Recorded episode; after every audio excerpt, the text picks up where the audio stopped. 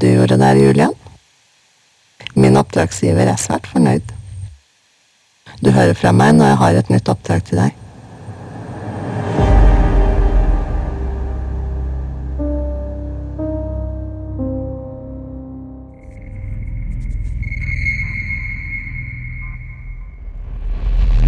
Kjære alle sammen, og velkommen til live ettersnakk for Strengt hemmelig. Veien inn, en krimpodkast-suksess fra DSS og NSM.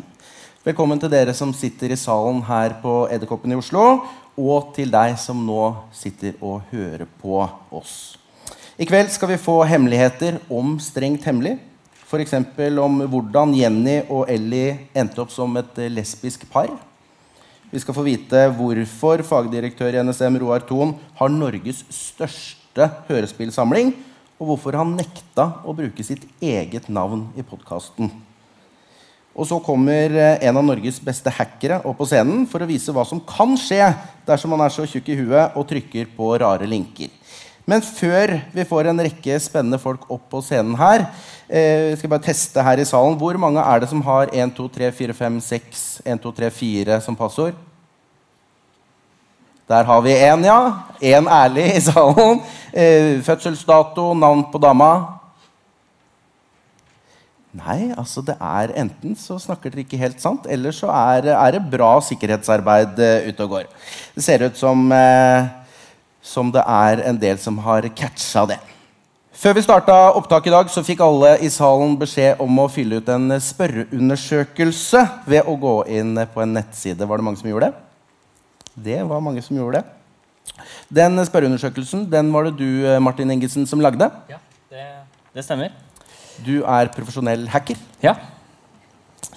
Og jeg må innrømme at jeg hadde store planer med denne spørreundersøkelsen. Jeg tenkte at det her må vi få til noe. Var det mange som svarte? Du, det var veldig mange. Jeg har ikke tallet, men det er i hvert fall de fleste her. ser det ut som. Så folk er lette til å, gå, å få til å gå inn på sånne sider? Ja, det er når du ber dem om å gjøre det, så, så ja. Mm. Strengt hemmelig.xyz. Ja, det koster meg én dollar uh, i dag å kjøpe det domenet. Den er god. Hva svarte folk? Vi spurte da om de har sett podkasten, om de likte den, og om de har lært noe. Ja, altså De fleste har sett uh, alt av podkasten. Noen som ikke har sett den, de har en uh, jobb å gjøre når de kommer hjem. Eller hørt, faktisk. de fleste syntes den var bra. Av, av nei, ok, eller dårlig, ok og bra. Så det er jo bra. Uh, de fleste lærte litt. Så de lærte noe, da. Det er jo positivt. Ja.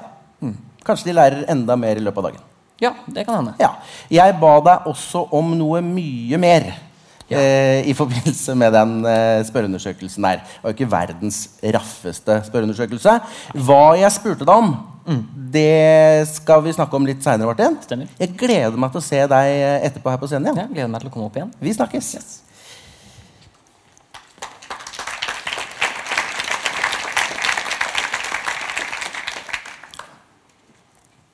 Vi har nå hørt eh, seks episoder av eh, Strengt hemmelig veien inn, som er DSS og NSMs andre podkastsesong.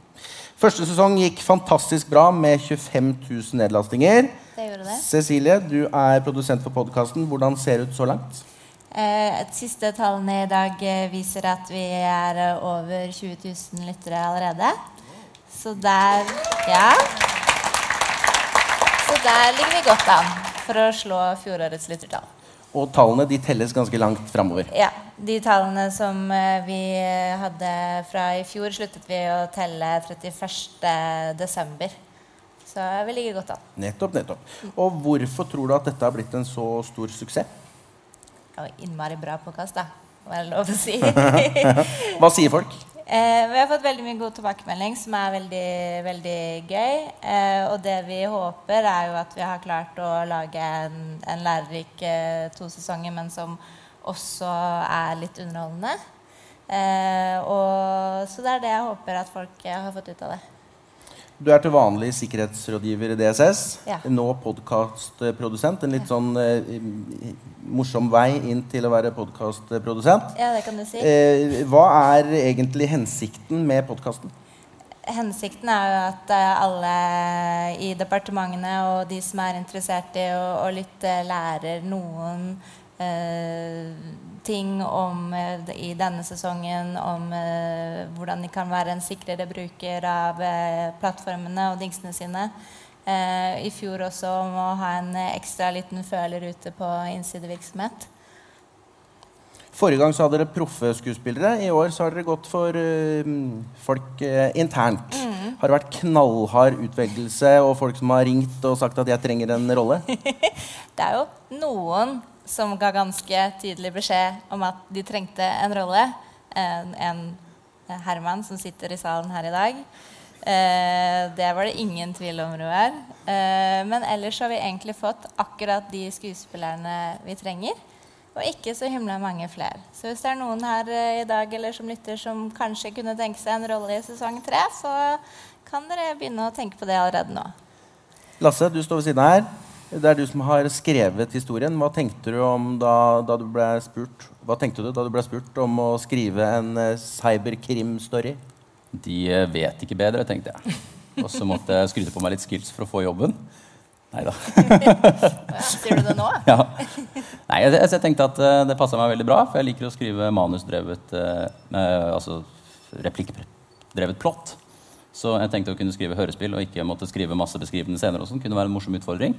Og så er jeg jo veldig interessert i uh, cybersikkerhet og hacking og, så videre, og leser masse og ser masse filmer om det. Så å få litt tilgang til det sikkerhetsmiljøet som er i Norge, syns jeg var veldig spennende. Så du, du var interessert på forhånd. Hvor, hvor god kjennskap hadde du til hacking? Jeg er ganske dårlig på hacking sjøl, men jeg er veldig glad i å lese om det. Eh, Litt som med dataanimasjon, som jeg også er veldig glad i å lese om. Men jeg kan ikke noe om det.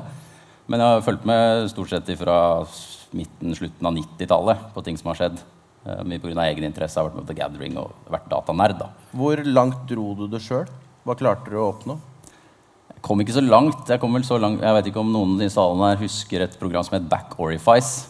eh, Som kom på 90-tallet. Som var noe du kunne sende til folk, eh, og så installerte de det. Det var en bakdør, rett og slett. Og det brukte jeg stort sett til å åpne og lukke CD-rommet til folk i samme rom.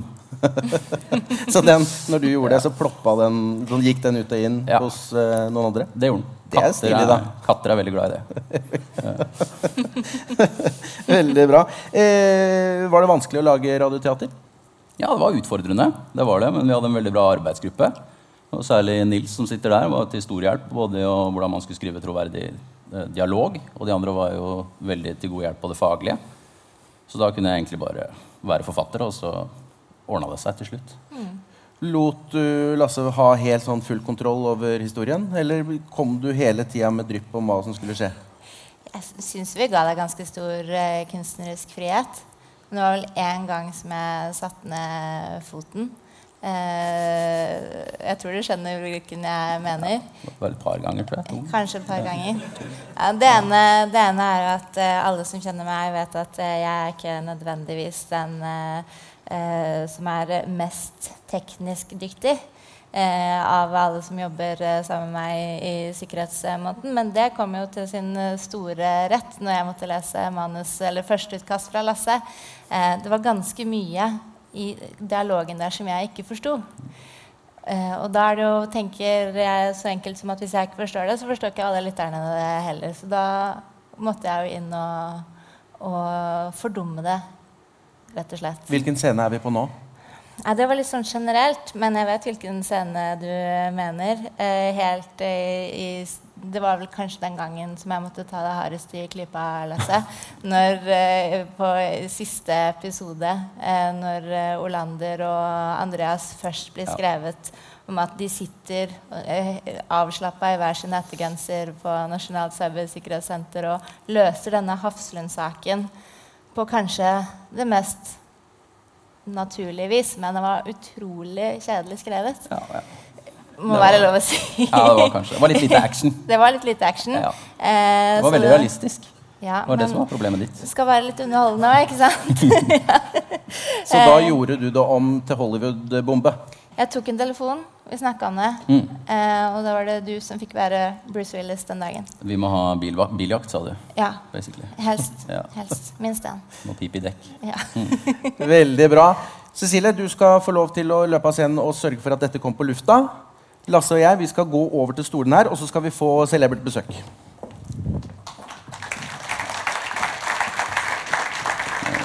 Jeg setter meg her borte. Velkommen opp, eh, Erik Hope og Roar Thon. Podkasten er et samarbeid mellom DSS og NSM, og dere representerer disse to. Roar, til vanlig eh, sikkerhetsekspert, nå kjent som Bjørn Berge i serien. Eh, Hvor viktig har denne podkasten vært for dere? Det har vært veldig viktig. eh, både alt fra rent faglig til rent følelsesmessig. For jeg ga litt uttrykk i fjor for at vi var litt fornærma for ikke vært med på sesong én. Eh, så vi fikk jo tilfredsstille noen følelser ved å virkelig få lov til å være med og snakke cybersikkerhet i sesong to. Eh, Men rent faglig så ser jeg på det som utrolig nyttig, ikke minst i forhold til bare de gledelige lyttertallene som vi kan presentere her i dag. Og at dette er en Kall det podkast, kall det radioteater, hva du vil, egentlig, men det er en utrolig lett tilgjengelig måte å spre et budskap på. Så jeg er veldig spent på å se framover på tallene og hvem flere som kommer til å lytte på dette her. Erik, du, Det er du som egentlig har ansvaret for at det ble en podkast. Hva tenkte du første gangen Cecilie foreslo podkast? Visste du hva podkast var? Altså, du, nå passer jeg litt uh, her. Svaret på det Visste er de hva podkast var? Nei, men altså For å si det sånn, nå, nå føler jo vi i DSS at eh, det er om å gjøre å pisse lengst nå fra sikkerhetsmiljøene for øvrig for å bli med oss. Og det syns vi er kult, så vi gleder oss hvem det blir neste år. Men det er klart at når NSM vil være med, og hadde vi sagt nei da, så hadde vi fått en eller annen form for revisjon. Og det vil vi jo ikke ha. Så dette var en deal vi har gjort med, med Roar og folkene hans. Da får vi i hvert fall fred et år til. Men hva tenkte jeg først? ikke sant? Wow, podkast, leier folk. Dette koster penger. Og da så jeg på sjefen hennes og sa Your call. Er du eh, glad for at det ble nå? Eh, det goes without saying, altså Den gjengen som Cecilie har med seg, og hva de har fått til. Og som jeg sier, La nå oss gamlinger eh, gå i fred og hente opp den kompetansen som ligger hos de som er nye. Vi snakker om skyttergraver, eh, krokodiller og annet som ligger i, i, eh, i vanngravene. Dette her er jo fremtiden, og så blir det jo kjempeinteressant. da. I fjor så, så var det historie med fokus på innsideaksjon. I år er det flere historier. Alt er litt mer eh, digitalt. Eh, Ton, hvor realistisk er denne serien? Altså, Det er mange elementer her som er veldig realistiske. Og så toucha jo Cecilie og Lasse inn på det eh, i stad. At eh, selvsagt er det også dramatisert og satt veldig på spissen. Eh, så det er klart at eh, det er ikke alle situasjoner jeg liksom sånn faglig sett er det er nesten sånn, Du er ikke helt komfortabel med det, for det blir veldig Hollywood. Eh, så vet du at det som skjer i virkeligheten, er noe helt annet. Men, men scenarioene i seg selv eh, er både basert på hendelser som har skjedd, og utfordringer som vi selvsagt ikke ønsker at samfunnet vårt eh, skal utsettes for, men som er potensielle reelle situasjoner vi kan utsette for i samfunnet vårt. Men Lasse, hva tenkte du når du leste den saken eh, forrige uke om at en tysk hacker på, var pågrepet for eh, forsøk eh, på, å, på å hacke en konferanse i Oslo? Det sto vel på NRK eller noe sånt? Jeg opplever jo veldig ofte at det jeg skriver, blir sant. Så det er jo en makt jeg må ta, være litt forsiktig og oppmerksom på. Nei, altså jeg tenkte jo at Veldig ofte så er det flytende overganger mellom virkeligheten og skjønnlitteraturen eller prosaen. holdt jeg på å si. Veldig sjelden man klarer å skrive noe som er helt tatt ut av det blå. Men det var veldig gøy at det var en tysker som kom seg inn i lokalene. Så det var ganske mange ting som gikk feil på sikkerhetsfronten der. Jeg tror han ble utvist, da, men ikke via Kiel-båten. Jeg tror han fikk fly hjem. Så det tror jeg han kan være glad for. Ja. Men hvordan var det å, å skrive en sånn historie som liksom skjer basically inne i en eh, datamaskin, og det er enklere i gamle dager med frakk og droppsteder og honningfeller? Altså, Nils snakka en del om det, da, at man måtte være oppmerksom på at dette kunne ikke handle om datamaskiner, for da kom man jo bare til å sitte og høre klikk-klakk klikk-klakk hele tiden. ikke sant? Så Andreas Gravdal, som har laget lyddesignet, han har vært veldig flink til å, å vri det som foregår i cyberspace, inn til en troverdig ramme uten at det blir kjedelig å høre på. Men det har jo også noe med at eh, det må være mellommenneskelige relasjoner som står i høysetet. Det er det man skriver om, og så er cybersikkerheten en hyggelig pedagogisk bonus oppå det hele, og så er det det som driver plottet framover. Hvor har du henta historien? da? Til dels ifra Det var jo en fast pressemelding som kom. eh, var det et par år før eller noe sånt nå? Ja. Den som kom ut via Dagbladets kanaler om at det nå skulle være lov å utøve vold mot offentlig tjenestemann. eller hva det var. Eh, Så, så grunnpremisset her er det jo en viss sannhet i. Eh, Det, det jobba vi vel fram litt i, i fellesskap. Og dette med at man kan leie seg en hacker på nettet, er jo forholdsvis godt kjent for de som er interessert i sånt. Jeg, jeg er jo i hvert fall stadig det. Men det er, det er en del eh, cyberkrim som kommer fram om dagen. Altså det, er bare her om dagen så leste vi en sak i Dagbladet eh, der det sto at Erna Solberg synes pedofili er greit. Det var et angrep mot eh, Dagbladet. Vi kjenner Hydro-saken, Helse Sør-Øst. Hva er det dere er mest redd for at skal skje? Ja, altså, det er utrolig mye på en dårlig dag jeg kan gå rundt og engste meg for. Men, eh, men, men jeg tror hvis jeg skal knytte det opp mot podkasten i seg sjøl, og budskapet er å forstå at den enkelte faktisk eh, spiller en rolle inn i hvor god sikring vi, vi, vi trenger å ha. Fordi Når du nevner Dagbladet-saken, altså kan det se ut som at hvert fall noen rett og slett bare har logga seg inn hos Dagbladet med et brukernavn og passord. Eh, Og I min verden er det knapt nok hacking. Det er bare noen som har logga seg rett inn fordi man hadde informasjon man ideelt sett ikke skulle hatt. Eh, og det viser seg at vi har, så mye, vi har så behov for å jobbe med de helt grunnleggende, elementære tingene. Og så kan vi selvsagt snakke og frykte om fremmede stater og en rekke forskjellige ting som vi absolutt ikke ønsker samfunnet vårt skal rammes av. Men vi er nødt til å starte i bånn med helt grunnleggende, elementære tiltak. Hvem er den største trusselen, Erik? Eh, det er oss sjøl. Mhm.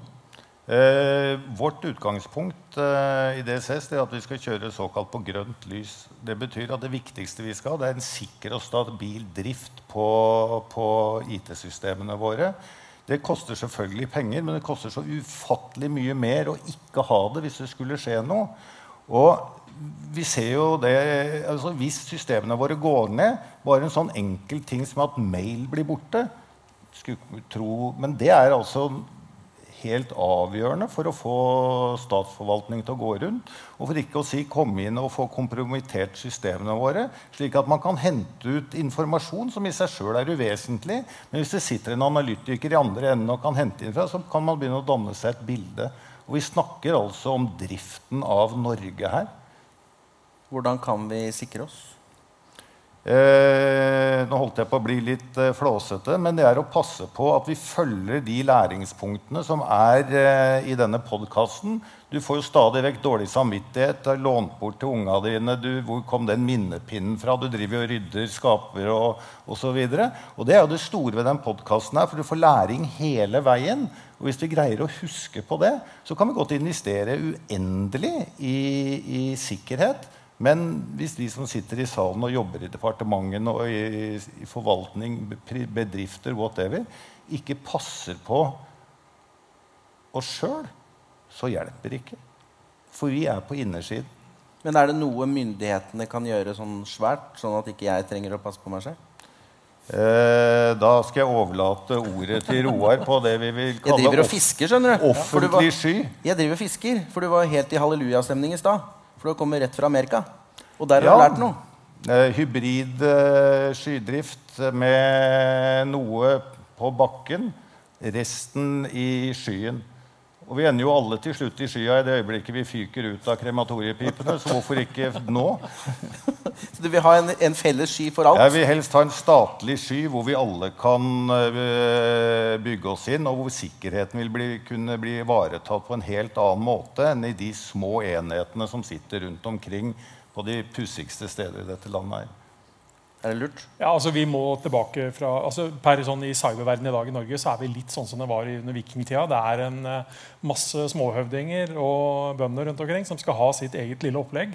Eh, og Vi har sagt i flere år at vi trenger å sentralisere veldig mye av dette her, fordi det er rett og slett umulig at den enkelte har nok kompetanse og ressurser til å sikre dette godt nok. Og så kommer problemet. da. Disse tingene er koblet sammen. Så sikkerheten blir aldri bedre enn hva den dårligste på mange måter i den kjeden da har valgt å gå for av løsninger. Men det begynner jo å bli så, så vanskelig å se, tenker jeg. Sånn CEO-fraud, og det, det ser ut som om, eh, om e-mailen er sendt fra riktig person. Hva er det man skal se etter? Altså, må, det første må man forstå at dette er, skjer i flere eh, faktorer. Det handler om teknologi, det handler om mennesker og det handler om prosesser. Så hvis du tar en ting som CO-fraud, altså e-posten fra sjefen som ber deg om å utbetale et eller annet, som kommer til den som faktisk har myndighet til å utbetale, det får du ikke fiksa ved å bare kjøpe en eller annen boks som står og blinker i hjørnet. Det får du fiksa ved å sette opp prosesser hvor det kanskje ikke bare er én person som får lov til å utbetale den type summer uten at det er noen mer sånn checks and balances på plass. Så dette løser du da kanskje mer ved altså menneskelig overvåkenhet og gode prosesser og kontrollrutiner. Eh, en i salen her har jo fått en eh, e-mail fra meg med bedt om å betale ut penger. Å? Men du er så gjerrig, så det gjorde jeg ikke. Men du, du, du ser jo mailadressen det kommer fra osv. Språket er litt trist og, og dårlig. Så eh, det forstår jeg nesten ikke at er mulig. Er vi, altså Petter Stordalen mener at, eh, at, at, er, at Norge er på klamydiatoppen eh, i verden er veldig bra. Vet dere hvorfor det? For det betyr at vi stoler på hverandre her i landet. Ja. Eh, men betyr det også at vi er litt for godtroende? Ja, uten tvil. Altså, eh, det var jo et veldig Ja, jeg skal ikke kommentere det eksempelet, men altså, de seriøse For du skjønte greia? Ja, ja, ja. De seriøse undersøkelsene viser jo at uh, vi sammen med de andre skandinaviske landene har en ekstremt høy grad av tillit til hverandre i samfunnet. Altså Tillit mot myndigheter, tillit mot uh, sjefen på jobben, til kollegaer, naboer osv. Og det er en utrolig positiv samfunnsegenskap. Men medaljens bakside er dog at vi blir litt vel naive da, i møte med litt andre kyniske krefter som er villige til å utnytte enhver situasjon. Selv om den kanskje ikke passa helt i klamydia-greiene der. men eh, allikevel. Eh, og så lærte jeg én spesiell ting av Bjørn Berge. Så jeg har vært og endra passordet mitt nå på diverse ting. Fra 1, 2, 3, 4, 5, 6 til noe mye vanskeligere. Jeg har skinnvest, sjø. Eh, hva, hva, hva, er et skikkelig godt passord? Ideelt sett så er det en uh, setning. Uh, gjerne på dialekt, mellomrom og litt uh, skrivfeil. Eh, og så er det, Dette her er vanskelig, fordi at dette er sett med våre øyne. Men hvis du nå tar det rådet som jeg gir deg, da, eh, en dialekt, eh, mellomrom osv., og, så og forsøker å bruke det på en rekke forskjellige tjenester vi nesten alle sammen bruker, så vil ikke tjenestene akseptere det. Noen vil si at det er for langt, det passordet ditt. Du mangler et ett tall. Eller den aksepterer ikke mellomrom. og du må ha noen rare tegn og bokstaver i tillegg. Så dette her, når vi forkynner en del av disse tingene, så er det allikevel vanskelig for mange å få det implementert ute virkelig. Men, men, at vi har behov for å gå vekk fra 1, 2, 3, 4, 5, 6 og ha det på 18 forskjellige kontoer, det er ikke noe særlig tvil om. Erik, hvilken eh, karakter liker du best i serien? Eh, jeg må jo si at De to som jobber i serten min og slår av lyset, det må vi følge opp litt sånn eh, på sikt. For det kan bli litt eh, Det kan bli et dyrt nummer for meg. Men eh, Apropos klamydia. Ja, ja altså, så kan du ha passord klamydia for første gang. Da tar du det meste med noen store bokstaver. Nei, altså Jeg syns jo at, eh, at uh, beredskapsministeren uh, var trivelig. Da. Han avslutta jo til og med å ta, måtte ha seg en karsk. Og da begynner vi å snakke ordentlige folk. Hva syns du om å, å, spille i serien? Nei, Det ble jo antyda veldig tidlig at uh, jeg hadde mast meg til en rolle. Og det må jeg bare erkjenne at det hadde jeg. Uh, men det var i en periode manus ble skrevet hvor jeg var sykemeldt og borte. Og kommer tilbake inn i prosjektgruppa og får da liksom se at eh, jeg fikk jo da en sånn økende, økende sånn, litt sånn superheltrolle etter hvert utover i episodene. Og når man i tillegg da brukte mitt eget navn og ikke skilte meg som en fiktiv person, så fikk jeg litt problemer. For jeg sa at dette her er jo materiell, for jeg ble kommet til å bli mobba i ti år framover på jobben. basert på dette her. Så du måtte ha et uh, pseudonym? Vi måtte tone det litt ned. ja. Hvorfor, la oss Lasse, hvorfor ga du han navnet Bjørn Berge? Jeg velger navn veldig tilfeldig når jeg skriver. Og mest sannsynlig så var det da bluesgitaristen Bjørn Berge som sto på. Så title-vinduet mitt viste Bjørn Berge, tenker jeg. Okay. så var det en hyggelig bonus at det var eh, bokstavrim. Da, for alle superhelter har jo bokstavrim. Alle superhelter har bokstavrim? De aller fleste, i hvert fall. Bruce okay. Banner, Peter Parker. Okay. Og så stilte jo Roar med sånn kappe på jobb hver dag, så jeg tenkte det måtte være greit å kalle Roar Thon. og, og, han laks, Lakselv? Ja, altså Inga Tygbring Gjedde, holdt jeg på å si. Ingvild? Ingrid? Ja, For det kommer fra gjedde? Det kommer fra gjedde, ja. Det måtte være en fisk? Det måtte være fisk. Så jeg var innom flere forskjellige fisker, faktisk. Okay. Inga Kyte. Det klinger jo bra. Inga Abbor sto faktisk i manus en periode. Ja. Eh, Men så blei det lakseelv, da, som var, er litt mer seriøst. Litt Ja. mer nedpå. Og det er jo et sted i Finnmark òg. Ikke sant? Ja. Eh, og, og Roar, det høres da ut som dette var viktig for deg å få være med i den serien. Og så fortalte du meg noe utrolig morsomt eh, her om dagen. For det er ikke tilfeldig at du hadde så veldig lyst. Nei, altså Det var ikke tilfeldig at jeg var sur i fjor, og det var enda mindre tilfeldig at vi endte opp her i år. Altså, Det må jo sies at eh, det faglige her eh, overstiger jo dette her. men jeg, Sjefen min sitter i salen nå, så jeg vet ikke om jeg skal si dette her. Men dette hadde jeg nesten gjort uten betaling. altså. Men, men årsaken er at jeg da En av mine store lidenskaper og min eh, private personlige hobby er at jeg sitter på en av Norges aller største radioteatersamlinger. På bånd. Ja, nå er de digitalisert, men eh, dette er jo henta inn fra gamle Tandberg lydbåndopptak og kassetter og andre kilder. Hvordan starta det?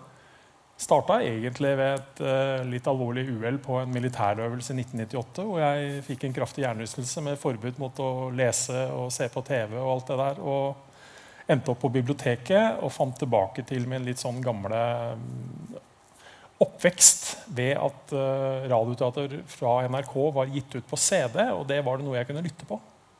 Og så tok det av derfra. Og, og hvor, my hvor mye har du? Jeg har i dag så mye at hvis jeg skulle ha lytta på alt jeg har som er produsert her i Norge, så måtte jeg ha lytta 165 dager i ett strekk. Uh, totalt sett, når jeg tar med engelskspråklige ting, som jeg også da er interessert i, så snakker jeg om å lytte i to og et halvt år. To og et halvt år. To og et halvt år. Og dette har du lagra i en sky? Eller? Dette er lagra med sikkerhet i, i forsetet. fordi dette, Noe av dette her er altså så uerstattelig. Altså sånn, det er ikke noe du får kjøpt igjen. Det eldste radioteaterstykket jeg har, er fra 1936, eh, lagd av NRK. Eh, og det er liksom ikke dette CD-en der ligger ikke ute på eh, til, til salgs. Så det er i flere eksemplarer. Jeg har en arbeids- og lyttekopi hjemme. Jeg har en kopi hjemme. Jeg har en backup i skyen, og jeg har harddisker eh, som da er brannsikra, som befinner seg i NSMs lokaler. Det er veldig bra. Gi denne gjengen en stor applaus. Bare bli sittende. For nå, nå skal vi få tilbake hackeren som vi møtte helt i starten av programmet. Ing, eh, Martin Ingesen. Yes. Du har akkurat deltatt i eh, EM i hacking i Romania. Åssen gikk det? Det gikk, eh, Laget gjorde en kjempeinnsats. Eh, resultatmessig ikke sånn superbra. Eh, Romania er jo eh, Europas mest korrupte land, eh, har jeg forstått. Og Romania vant jo, selvfølgelig. Så, ja, så kan dere trekke konklusjoner eh, på egen hånd. Dårlig taper Ja, der, altså. eh, du har hørt podkasten. Hva syns du om den? Det er fantastisk. Eh, jeg har vokst opp med, med to blinde brødre. eh, og har liksom vokst opp med at radioteater og sånt noe på, på CD-spilleren har vært liksom, Det er det vi har hørt på. Så fantastisk. Så, liksom, nå har jeg begynt å abonnere på sånn uh, lydboktjeneste og sånt noe. Eh, men uh, både faglig uh, veldig bra. Som Roar sier, noen, noen shortcuts. Det må man ta. Og det har man lært seg at når man lever i tech-verden, så er det helt, helt normalt. Lasse, Martin han, han er da en snill hacker.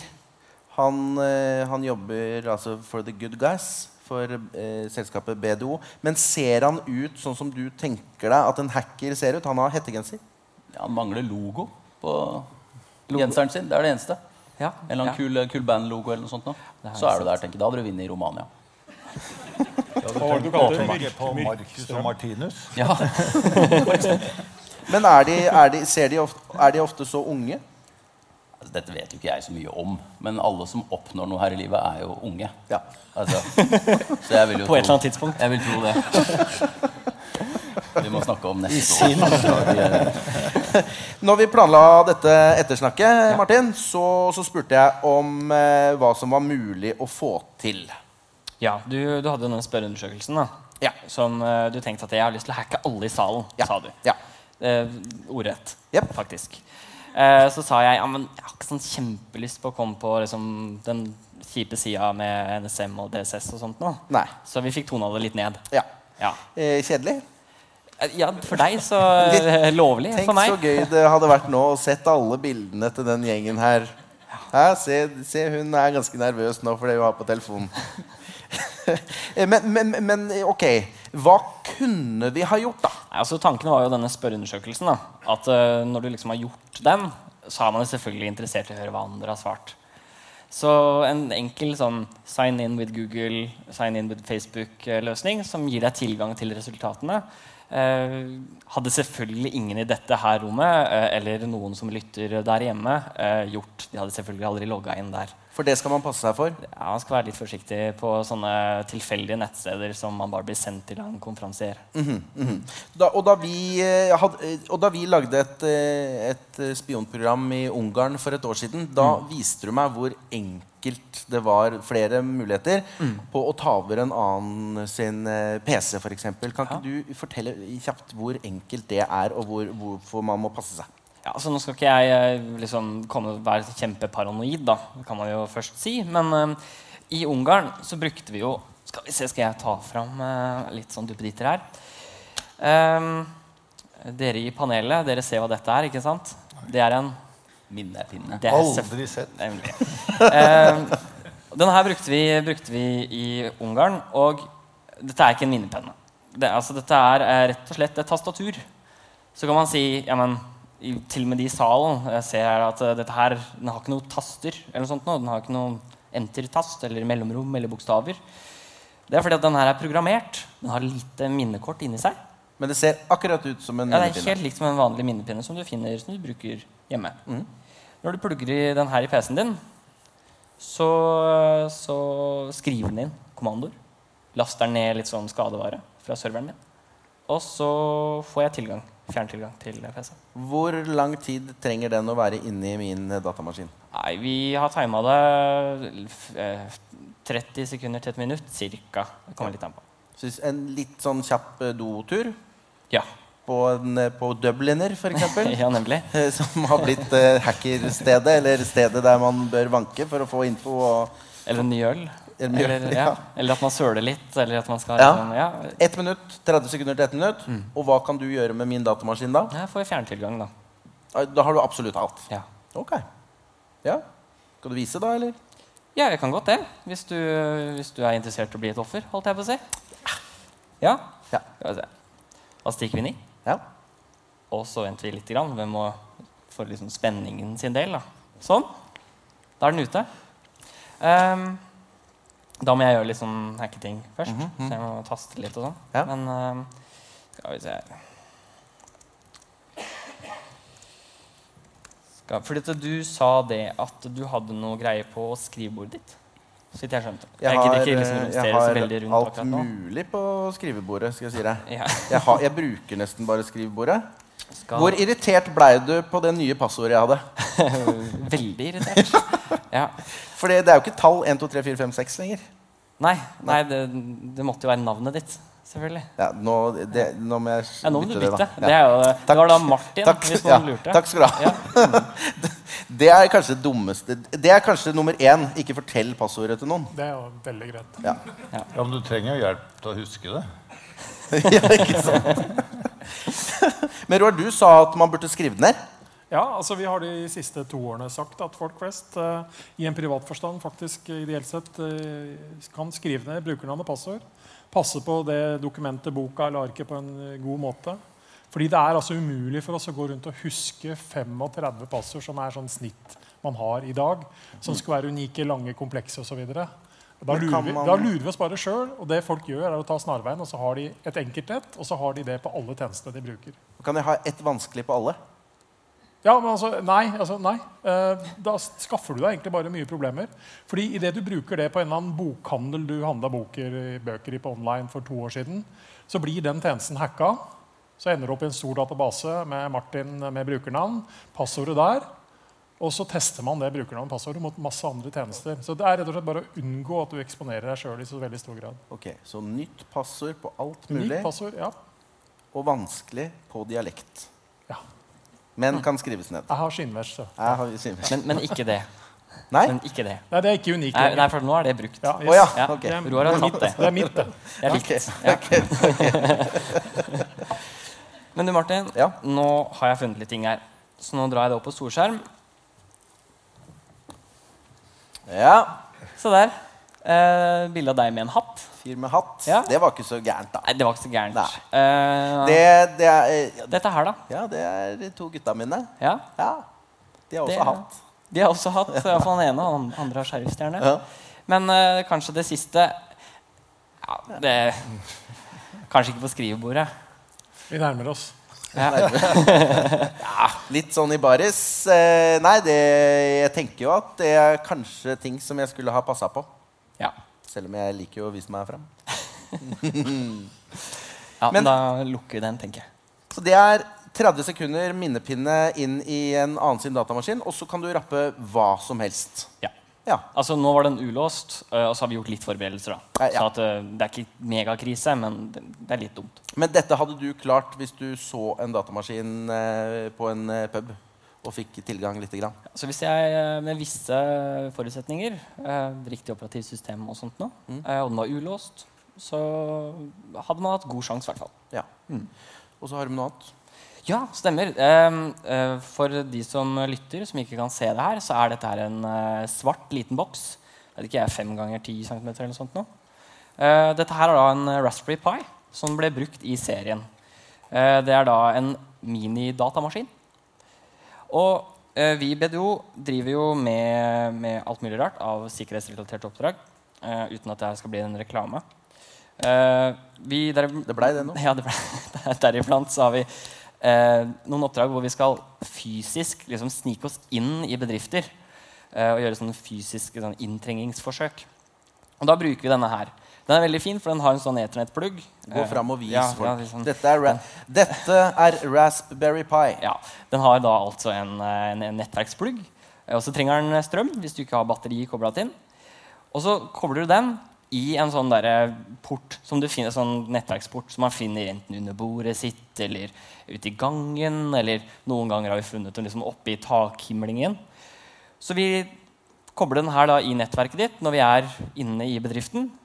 Og så får vi da tilgang til bedriften fra liksom hjemmet vårt. Eller, ja, Så den, vi den må være. fysisk plasseres der ja, inne. Ja, vi må, vi må gjøre som eh, Julian gjorde, og snike oss inn. Komme oss inn på en eller annen måte. Kanskje vi følger etter noen inn døra, eller lyver på oss at vi er noen andre. Nå kommer det til å være ganske tett i porten på, hos Hafslund, Ja. så test et annet sted. Ja, eh, nemlig. det blir en annen kraftleverandør. Ja. Nei, og, og så gjemmer vi den. Og det er klart, eh, det morsomste er jo hvis man får den liksom skjult bak et serverrack, eller sånt noe, sånn som i, sånn som i uh, hørespillet. Det er jo liksom der det er kulest å ha den, for det er ingen som sjekker der. Ingen som ser bak et serverrack. Så mm, så det er en helt realistisk uh, duppeditt som vi har brukt flere ganger. Så den scenen, den kjøpte du. Ja, ja, absolutt. Og det er også deilig å kunne sitte og se eller høre et hørespill som, som du liksom Ja, dette her Noe dramatisk effekt, men ellers så liksom helt, helt innafor. Ja? Så det er ikke sånn veldig ofte når sånn som mutter'n, som er lege, ser på sånn legeserie og så sier Nei, det er ikke sånn de gjør. og Ja, De opererer ikke der og skjærer ikke der. Og de føder ikke alltid en heis. liksom. Blir du eh, sånn når du ser på innimellom i denne serien at du sier Nei, dette går ikke. Det, ja, selvfølgelig. Eh, så samboeren er kjempeirritert på meg. Eh, det er liksom alt som har med data og teknologi å gjøre. Bare, Nei, kom igjen. Det, det kan ikke jeg. Virkelig. Det er ingen som Altså, ja, men Martin, bare hysj. Ja. Men her, hvor mye irritert var du nå? Eh, eh, jeg var ikke irritert. Nei? Nei. Jeg syns jeg kan love å si det. Ja. Se nå, se nå, se, nå blir Lasse glad. Ja. Veldig bra. Du er jo da, i likhet med da Julian, som i utgangspunktet er en IT-fyr i en kommune, snille i utgangspunktet, og så havner han eh, helt på gærne sida og ender opp med å bli pælma over bord på Kielferga. Har du fått noe tilbud fra en eh, skummel eh, dame on the dark side? Eh, nei, aldri en skummel dame. Det har jeg ikke fått uh, noe tilbud om. Men uh, det er klart det har vært, eh, det har vært noen eh, som eh, enten litt i desperasjon eller eh, fordi de har lyst til å ta igjen på noen, har eh, tatt kontakt. Ja? Fristende? Nei, egentlig ikke. Eh, jeg er såpass, eh, får såpass greit betalt der jeg jobber uansett, så det er ikke noe, er ikke noe motiv sånn sett. Ja,